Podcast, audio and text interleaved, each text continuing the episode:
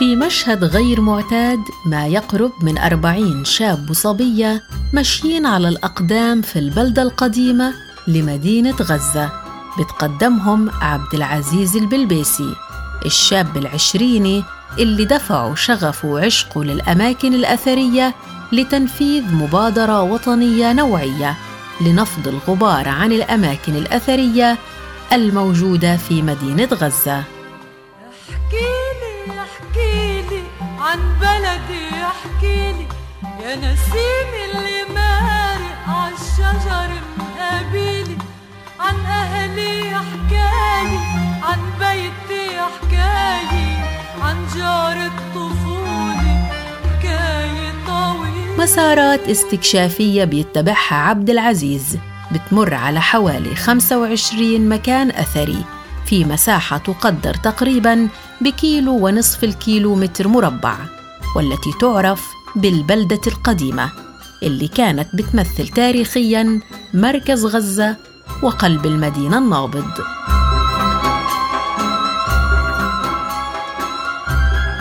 آه، إجتني فكرة مبادرة حكاوي غزة إنه كان عندي شغف بالأماكن الأثرية الموجودة وبتاريخ غزة وبتراثها. فكنت إنه مع والدي أطلع أحيانا أماكن أثرية هاي يشرح لي عنها. فصار فصرت أنشر مثلا على صفحتي على إنستغرام كنت أنشر مثلا صور هاي الأماكن. اصحاب ناس عندي مثلا بيسألوا من وين هذا المكان؟ معقول هذا موجود في غزة؟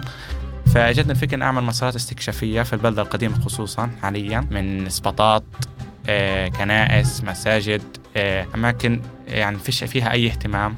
هيك اعاده أحياء البلده القديمة. في أماكن تقريبا صعب جدا مثلا حد يدخلها مثلا. على سبيل المثال في كنيسة برفيريوس هذه الكنيسه يعني آه، الديكورات فيها يعني الجمال المبنى فيها يعني بشكل فيه تفاصيل بشكل كبير. فبشد خصوصا فئة الشباب إنه نروح هذا المكان بدنا نشوفه إيش هو بالضبط. فصار إقبال كبير من فئة الشباب خاصة يعني فئة الطلاب الجامعات مثلا تقريبا من 18 ل 25 سنة. فزاد الإقبال فيهم إنه يشاركوا في هاي المسارات.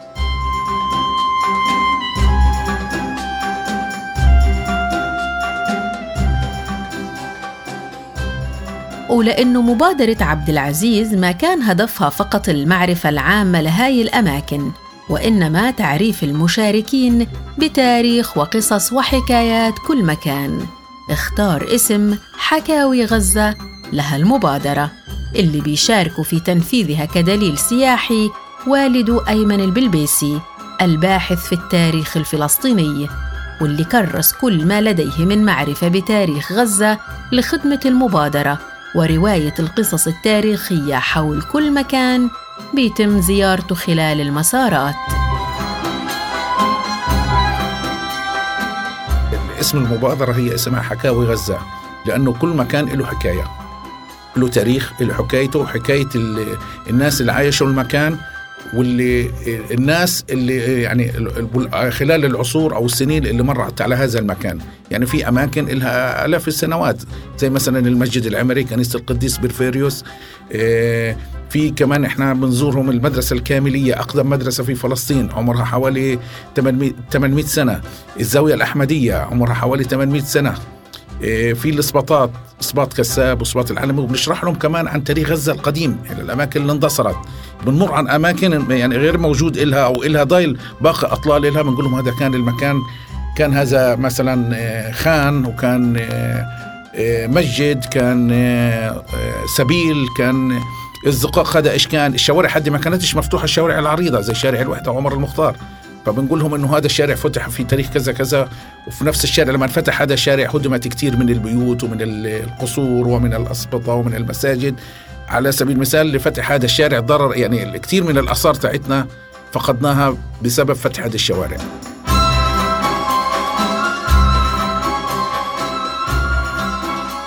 غالبية غالبية الأماكن وقصص الأماكن عدد كبير ما عندوش دراية. يعني ما فيش قصة معينة. بالعكس غالبية الأماكن يعني نيجي من من لو في بيت كيف كانوا عايشين الناس في البيوت القديمة؟ يعني يستغربوا أنا جبت لك أسهل شيء ما جبت لك طريقة نقول لك المسجد والكنيسة والزاوية والإسباط والسبيل. يعني بيوت يعني بيستغربوا كيف كانوا عايشين في البيوت هذه إنه البيت إنه البيوت القديمة بيوت ستر إنه كيف كانوا عايشين فيها كانوا فيهم كيف ينقلوا المية كيف يشغلوا المطبخ عندهم أو بسموه بيت المونة. إيش المواصفات في البيوت القديمة؟ يستغربوا كثير عدد كبير جدا. حتى بنلاقي ناس أول ما بيدخلوا بقول لك يا ريت نحن عايشين في هذا البيت. في بيوت بتروحوا عليها بالمسار في بيت السقا الاثري في بيت الدايه من ضمن البيوت بيت بيت العلمي. إحنا بنحاول إنه مثلا ناخذ يعني في كل مسار بيت أو بيتين بنقدرش نفوت أكثر من يعني لأنه الوقت بياخذ المسار بياخذ معنا وقت كبير لو إنه مساحة ضيقه تتنوع المباني الأثرية في كل مسار ما بين بيوت أثرية ومساجد وكنائس وأسبطة والصباط بالمناسبة هو ممر ضيق مقوس بين منزلين وكان سمة الحارات القديمة مرورا بقصر الباشا وحمام السمرة الأثري والأسواق التاريخية كسوق الزاوية. وطبعا جمال كل هالمسارات بيكمن في أنه المشاركين بيتنقلوا بين كل هالأماكن مشيا على الأقدام. ورغم أنه عبد العزيز بيعاني من إعاقة حركية لكنها ما بتمنعه أنه يتنقل مثل الفراشة ويقود المشاركين من حارة لحارة ومن زقاق لزقاق. بيشموا ريحة التاريخ بهوى البلدة القديمة وبيقرأوا تفاصيل الحكاوي على جدرانها اللي جزء كبير منها باقي على حاله من مئات السنين. 185 هجري اللي في عهد الأمير المملوكي السلطان الأمير المملوكي سنجر بن عبد الله المؤيدي الجولي هذا الأمير يعني له بصمة كبيرة في غزة. بنى يعني رمم الحمام بنى خان الزيت صحيح المسير هو المسير بيكون مشي على الأقدام لأنك لما تكون بتمشي على الأقدام بتحس إنه التوصيل معلومة بيكون لك اسهل مثلا لو كنت في بحث حنقول لك مثلا هذا المكان كذا كذا. خلص بنمشي عنه امل بتعيش انت أنت الجو وأنت بتمشي زقاق البلدة القديمة يعني. فبكون منبهرين يعني. أنت كيف تودينا كمية الأماكن عدد كبير من الأماكن فهي المنطقة محصورة. كشخص ذوي إعاقة بتلاقي إن الكل بحارب فيك أنت يعني تقريبا أنت مش حتقدر. أنت فيش فيش عندك إمكانيات. كيف أنت بتعمل كذا؟ تقريبا بنقصوا من إمكانياتك أو بيقللوا من قيمتك. فأنا في المبادرة إن أثبت عكس هذا الأمر عكس أثبت عكس هذا الإشي. فأثبتت إنه من شخص ذوي إعاقة عنده إرادة قادر إنه يغير يعمل تغيير كبير في البلد. أحيانا عندنا في الأسبوع مرة ومرتين بيشاركوا معنا في المسارات كنا متوقعين في في الشهر نعمل مسار واحد.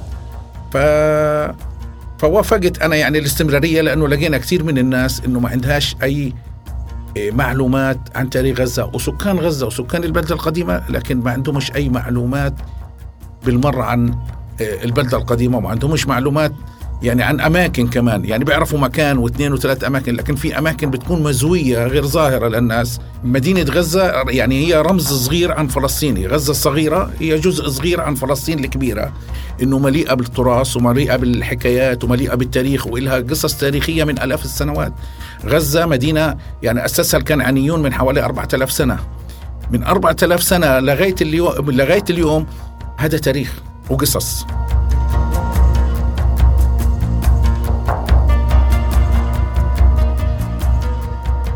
ورغم جمال حكاوي غزة إلا أنه هالمبادرة القائمة على جهد وتمويل فردي بيطمح عبد العزيز لتطويرها للفت الانتباه لما تتعرض له الأماكن الأثرية من إهمال واندثار خصوصا في ظل معركة الوعي التي تخوضها فلسطين مع الاحتلال الإسرائيلي والذي يهدف دائما لسرقة التراث الفلسطيني ماديا ومعنويا.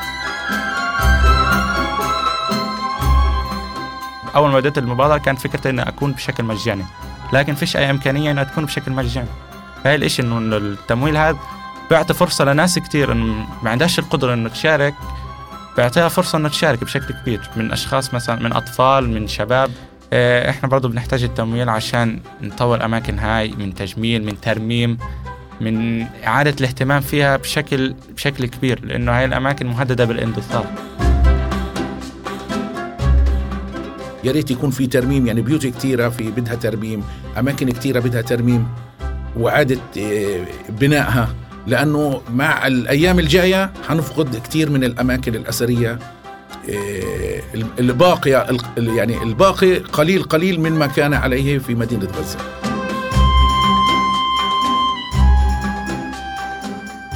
في كل شارع قصة وفي كل زقاق حكاية وحكايات الآباء والأجداد كلها شواهد على أصالة غزة وعلى ماضيها العريق وتاريخها المحفور على حجارة مبانيها العتيقة. حكاوي غزة مش مجرد مبادرة ولكنها شمعة في طريق العبور بين الأجيال بتأكد على الحق الفلسطيني في الأرض والهوية. حق لا يزول لا بمرور الوقت ولا بمضي السنين.